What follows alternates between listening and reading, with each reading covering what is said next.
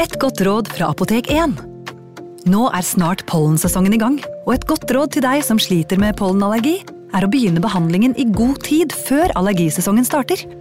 Da får du nemlig enda bedre effekt av legemidlene, og så blir ikke våren din helt ødelagt. Kom innom og få råd på ditt nærmeste Apotek 1, eller chat med oss på apotek1.no. Apotek 1 vår kunnskap, din trygghet.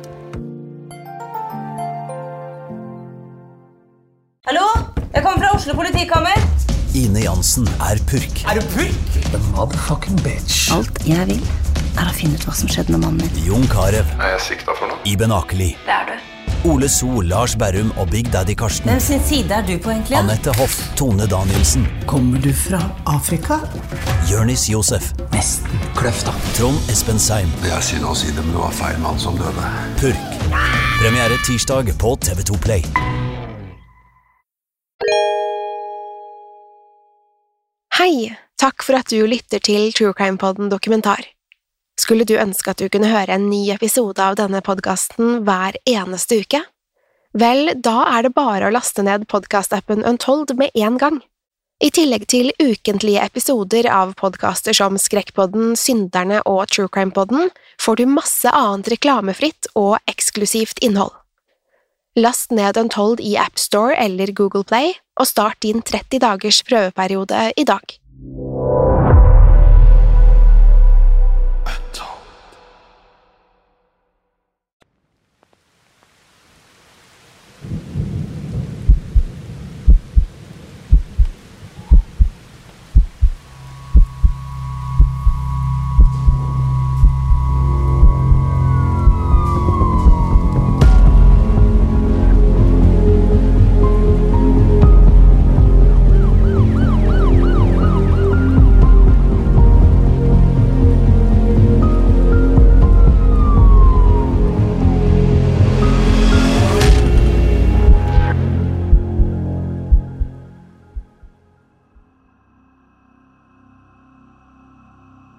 Søndag 24. november 1963.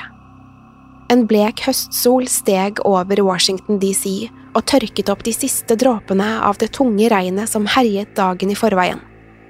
Allerede ved soloppgang hadde kirkeklokker landet rundt begynt å kime. Millioner av amerikanere hadde stått opp tidlig for å delta på morgenmesser i sine lokale kirker. Likevel var det sannsynligvis flere som samlet seg rundt TV-apparatene sine. Alle var de forberedt på en lang dag full av såre minneord og tårer.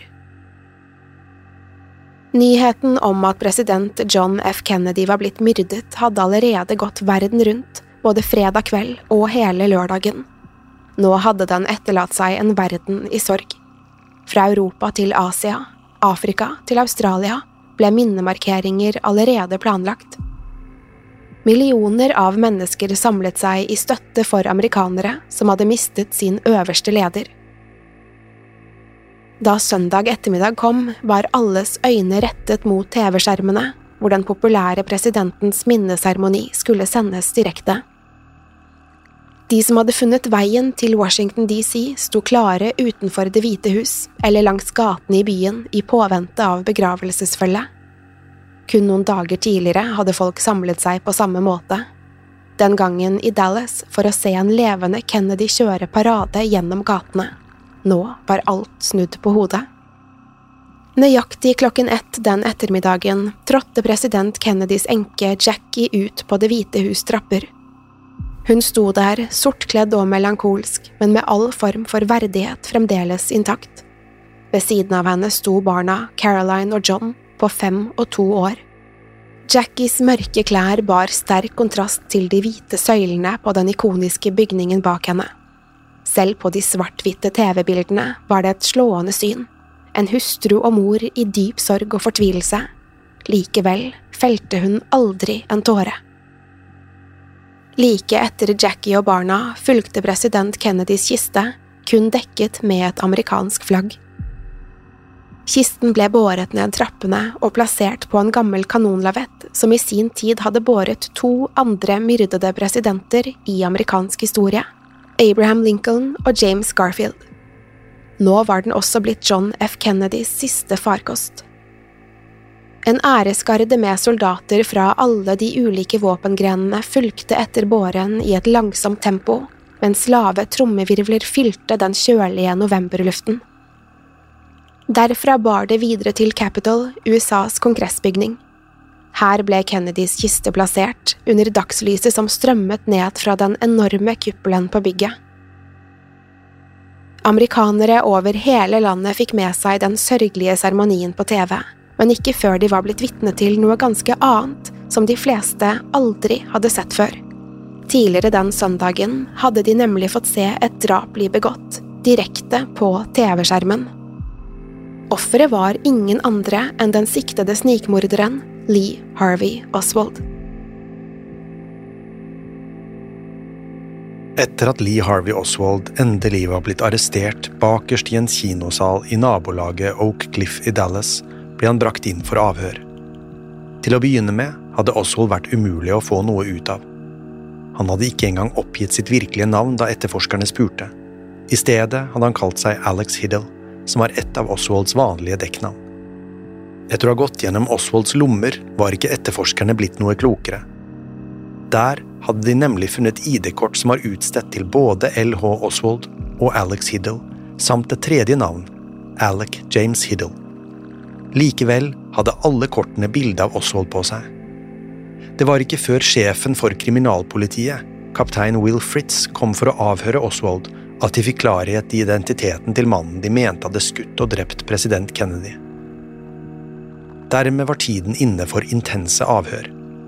Det aller første startet like etter arrestasjonen, omtrent klokken kvart over to, og skulle holde på til over midnatt. Ifølge alle rapporter ble aldri Oswalds rettigheter tatt på alvor. Etterforskerne som var til stede, påsto de hadde lest opp Oswalds rettigheter slik loven tilsa, men om dette stemte, var det ingen som egentlig visste. Det var det en helt spesiell grunn til, som virkelig skulle sette i gang jungeltelegrafen. Ingen kunne helt si hva som egentlig kom frem under avhørene, fordi det forelå en rekke versjoner, men ingen fullstendige referater. Det var ingen som skrev ned hva som ble sagt i detalj, og det var heller ingen båndopptaker i avhørsrommet. Grunnen som ble gitt for det i ettertid, skulle få mange til å undre. Ifølge kaptein Fritz var det ikke plass til verken en stenograf eller en båndopptaker i rommet. Fritz hadde tatt noen få notater under avhørene, men dette var alt som fantes av referater fra de timevis lange samtalene. Oswalds endelige forklaring skulle derfor omtrent kun leve i minnet til de få som var i rommet. Spørsmålet var bare hvorfor noe slikt hadde skjedd. Mangelen på konkret informasjon fikk mange journalister og sivile til å trekke sine egne konklusjoner, og dermed var ryktestrømmen i gang. Det eneste som er sikkert, er at Oswald aldri fikk prate med noen advokat slik han egentlig hadde all rett til. Det til tross for at han ba om å få tildelt en en rekke ganger. Kaptein Fritz selv påsto at Oswald hadde fått rettighetene sine opplest før hvert avhør, hvor han blant annet ble opplyst om at han hadde rett på en advokat. Så hvorfor ble det aldri gjort noe?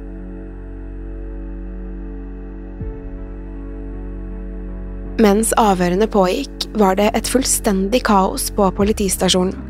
Journalister og fotografer fartet inn og ut for å få de siste nyhetene om den siktede drapsmannen, samtidig som betjenter og etterforskere forsøkte å gjøre jobben sin. I tillegg sto FBI og spesialagenter og trippet på dørstokken. De tryglet om å få tre inn i saken, men hadde ingenting de skulle ha sagt før Texas-politiet hadde gjort sitt. Dette siste var noe som hadde kommet frem gjennom gransking av lovbøkene. Ifølge disse var det å true en president på livet en forbrytelse mot føderale lover, men å drepe en president var et rent delstatsanliggende. Altså hadde nasjonale instanser ingen rett til å blande seg i saken mot Oswald før staten Texas ga dem tillatelse til det. Dermed fortsatte kaoset å herske på politistasjonen. Hundrevis av pressefolk svermet rundt i etasjen hvor Oswald ble avhørt, for å prøve å få informasjon, men ingen ville si noe. Likevel gjorde politiet det de kunne for å blidgjøre dem, men det var ikke lett. De stygge ryktene hadde allerede begynt å spre seg blant journalistene, og snart var de blitt umulige å stanse. Pressen satte spørsmålstegn ved så godt som hver eneste detalj av politiets etterforskning. Mange av dem mente politiet var falske, og at det var noe de ikke gikk ut med til folket. Disse anklagene skulle bare bli verre noen dager senere, like før den direktesendte minneseremonien til president Kennedy. Mens landet forberedte seg på de sørgelige TV-bildene, fortsatte politiet å avhøre Oswald på politistasjonen. Dagen etter attentatet ble han avhørt i tre timer, og på den tredje dagen varte avhørene kun to timer. Hva som kom frem under avhørene, var det ingen som riktig visste. Hver gang Oswald ble ført frem og tilbake mellom avhørsrommet og cellen sin, forsøkte journalister å stille ham spørsmål. Likevel slapp de aldri til. Etter kun 46 timer i politiets forvaring ble det plutselig bestemt at Oswald skulle flyttes til kretsfengselet. I de offentlige uttalelsene mente politiet at han ville være tryggere der. En rekke drapstrusler hadde kommet inn mot Oswald fra illsinte amerikanere, så politiet mente det var best slik. Det var til tross for at Oswald en rekke ganger var blitt ført gjennom de travle, ubevoktede gangene på politistasjonen. Før overflyttingen møtte politimesteren pressen og fortalte at de kunne få med seg alt sammen om de dukket opp klokken ti søndag 24. november. Da søndag morgen kom, var allerede rundt 300 journalister på plass, med notatblokker, kameraer og mikrofoner. Den siktede drapsmannen skulle endelig flyttes, og dette ville nyhetsmediene sende direkte over hele landet. Millioner av amerikanere satt allerede klare for å få med seg presidentens minneseremoni så mediene kunne ikke bedt om en bedre sendetid. Til tross for løftet om at Oswald skulle flyttes klokken ti, varte og rakk det før hele Amerikas hatobjekt nummer én dukket opp. Journalistene sto og trippet inne på den lukkede parkeringsplassen som tilhørte politistasjonen, og ventet på at noe skulle skje. Hva som oppholdt Oswald, var ikke godt å si. Likevel ble det sagt at den pansrede bilen som skulle kjøre ham til kretsfengselet, ikke hadde kommet ennå. Klokken skulle bli ti på halv tolv før Oswald endelig ble ført ut gjennom korridorene fra cellen sin. Tvers over parkeringsplassen mot utgangen. TV-kameraene ble rettet mot døren idet Oswald kom ut, lenket fast mellom to hatt- og dresskledde etterforskere. Mengden flyttet litt urolig på seg, og flere journalister var i ferd med å løfte mikrofonene for å få noen ord ut av Oswald. Det skulle de aldri rekke. Med ett kom det en brå bevegelse midt blant pressefolkene. En mann, iført mørk, bredbremmet hatt, hadde trådt ut av mengden og gått med raske skritt mot Oswald og fangevokterne hans. Før noen rakk å reagere, hadde mannen trukket en pistol fra bukselinningen, gått helt fram til Oswald og stukket pistolen rett inn i magen hans. Så lød et høyt smell.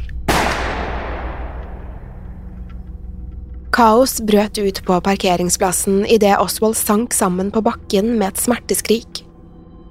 De to etterforskerne som han var lenket til, ble dratt med nedover, mens andre løp til for å gripe tak i skytteren.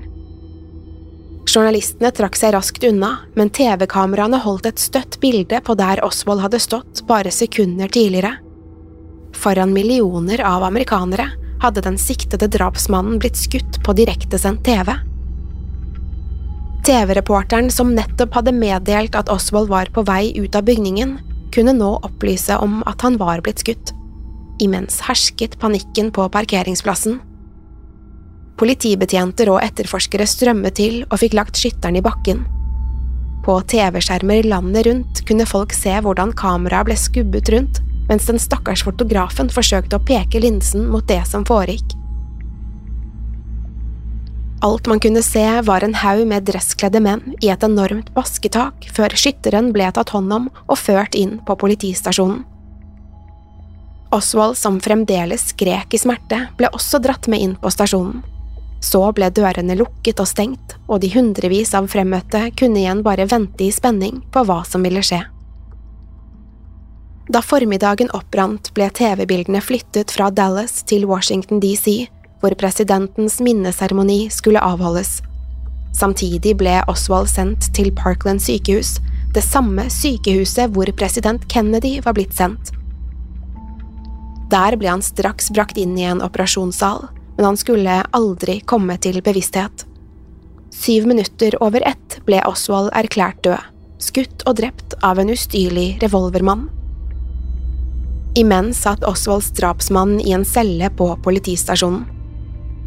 Det var ingen som trengte å lure på hvem mannen var, for han var allerede kjent for flere av politibetjentene. Mannen som satt i cellen, hadde allerede et plettet rulleblad og var kjent som en skjødesløs nattklubbeier. Mannens navn var Jack Ruby.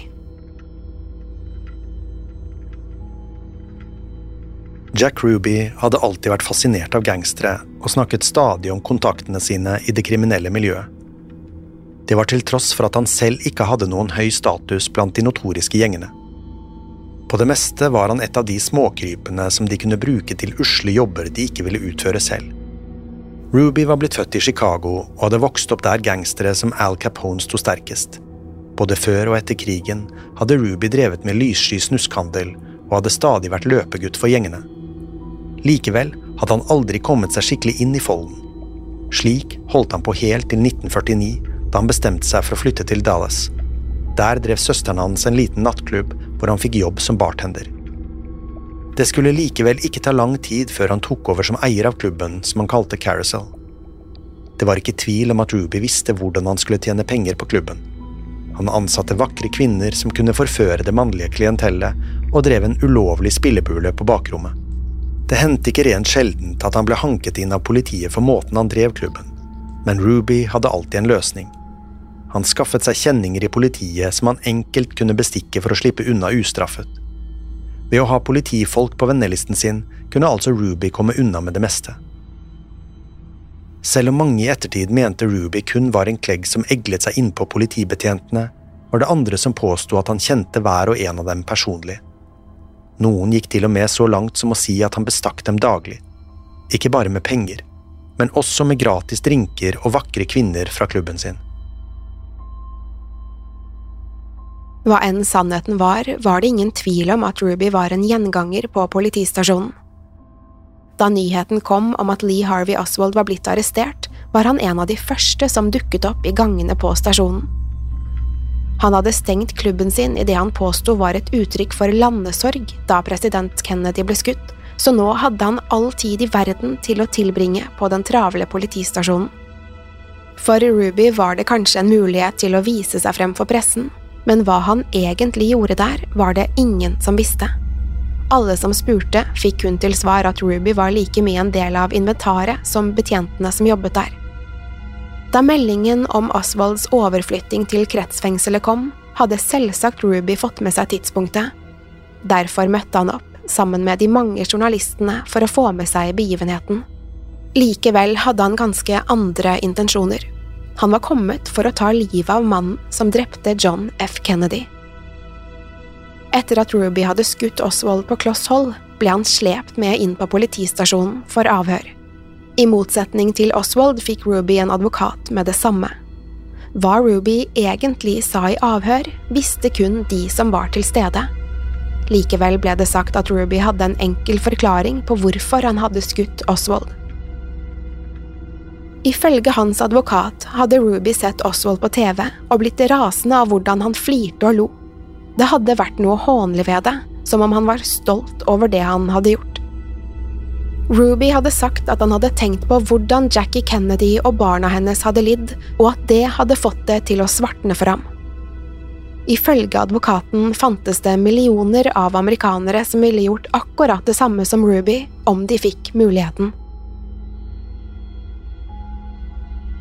Uansett hva motivet var, var det iallfall ingen tvil om at Ruby hadde skutt og drept Oswald på åpen gate. Dermed ble han siktet og stilt for retten. Han hadde kanskje tatt livet av en mann amerikanere flest hatet, men han var fremdeles en morder. Da rettssaken mot Ruby startet, skulle den bli ganske dramatisk. Noen påsto at Ruby var en helt som hadde hevnet landets mektigste mann. Andre mente at amerikansk lov gjaldt alle, uansett hvem man var eller hva man hadde gjort. Retten i Texas skulle være enig i det siste. Ruby var en morder og hadde drept Oswald med overlegg. Dermed ble han funnet skyldig og dømt til døden den 14. mars 1964.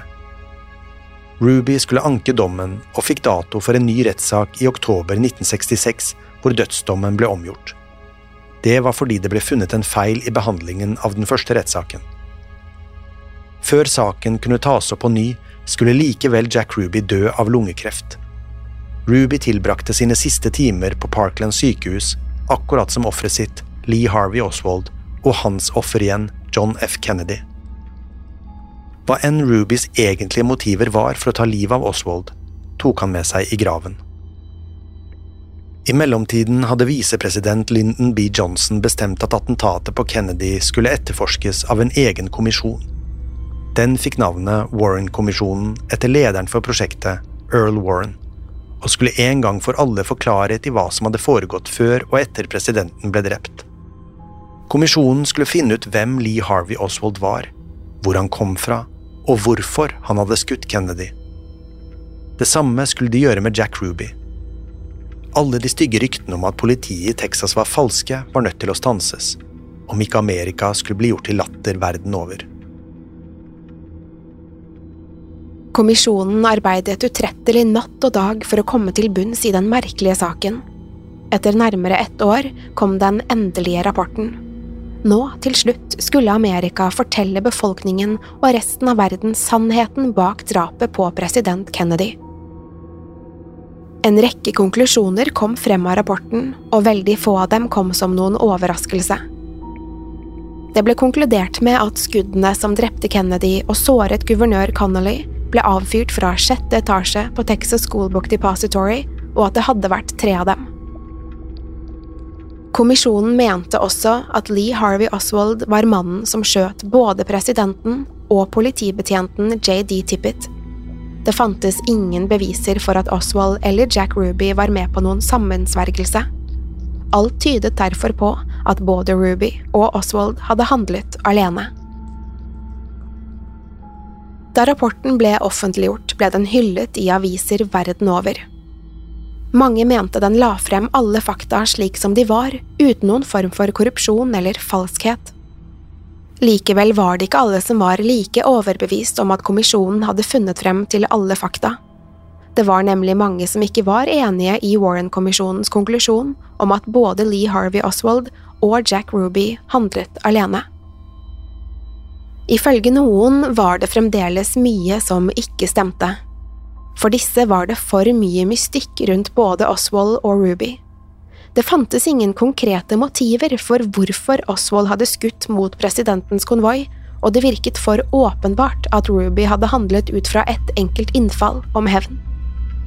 Opp gjennom årene har det derfor dukket opp en rekke teorier om hva bakgrunnen for drapet på president Kennedy virkelig var.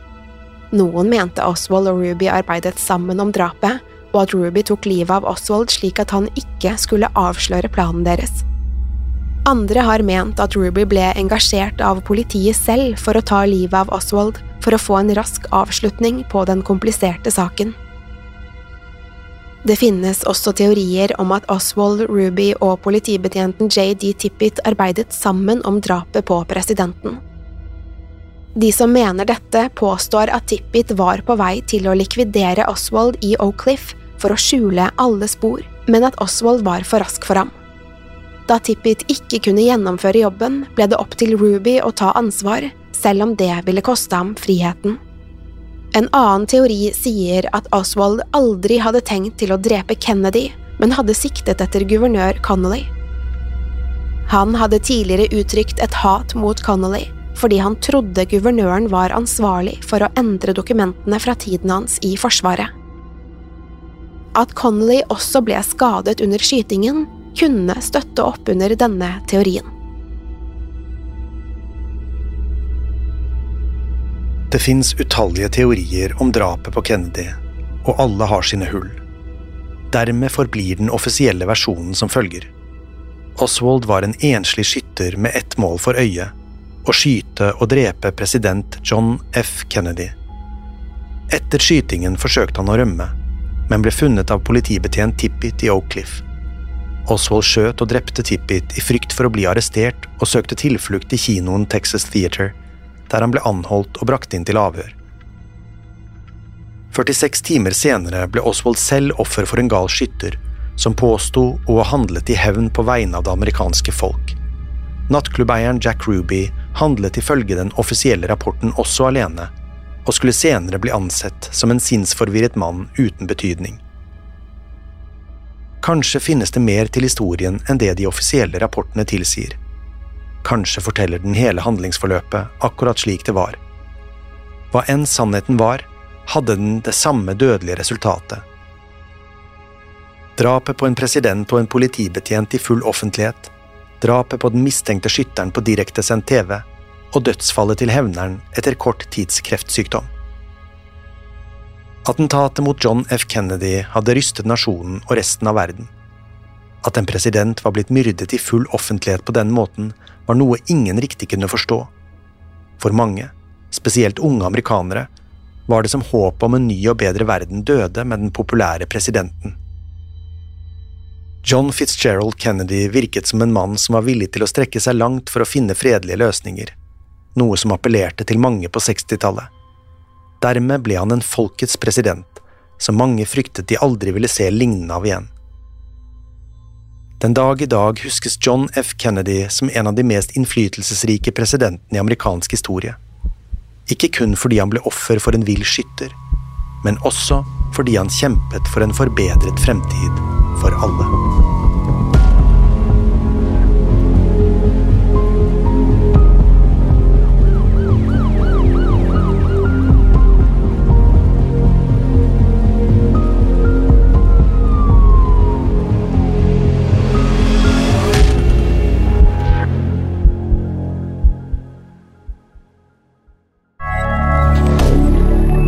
media.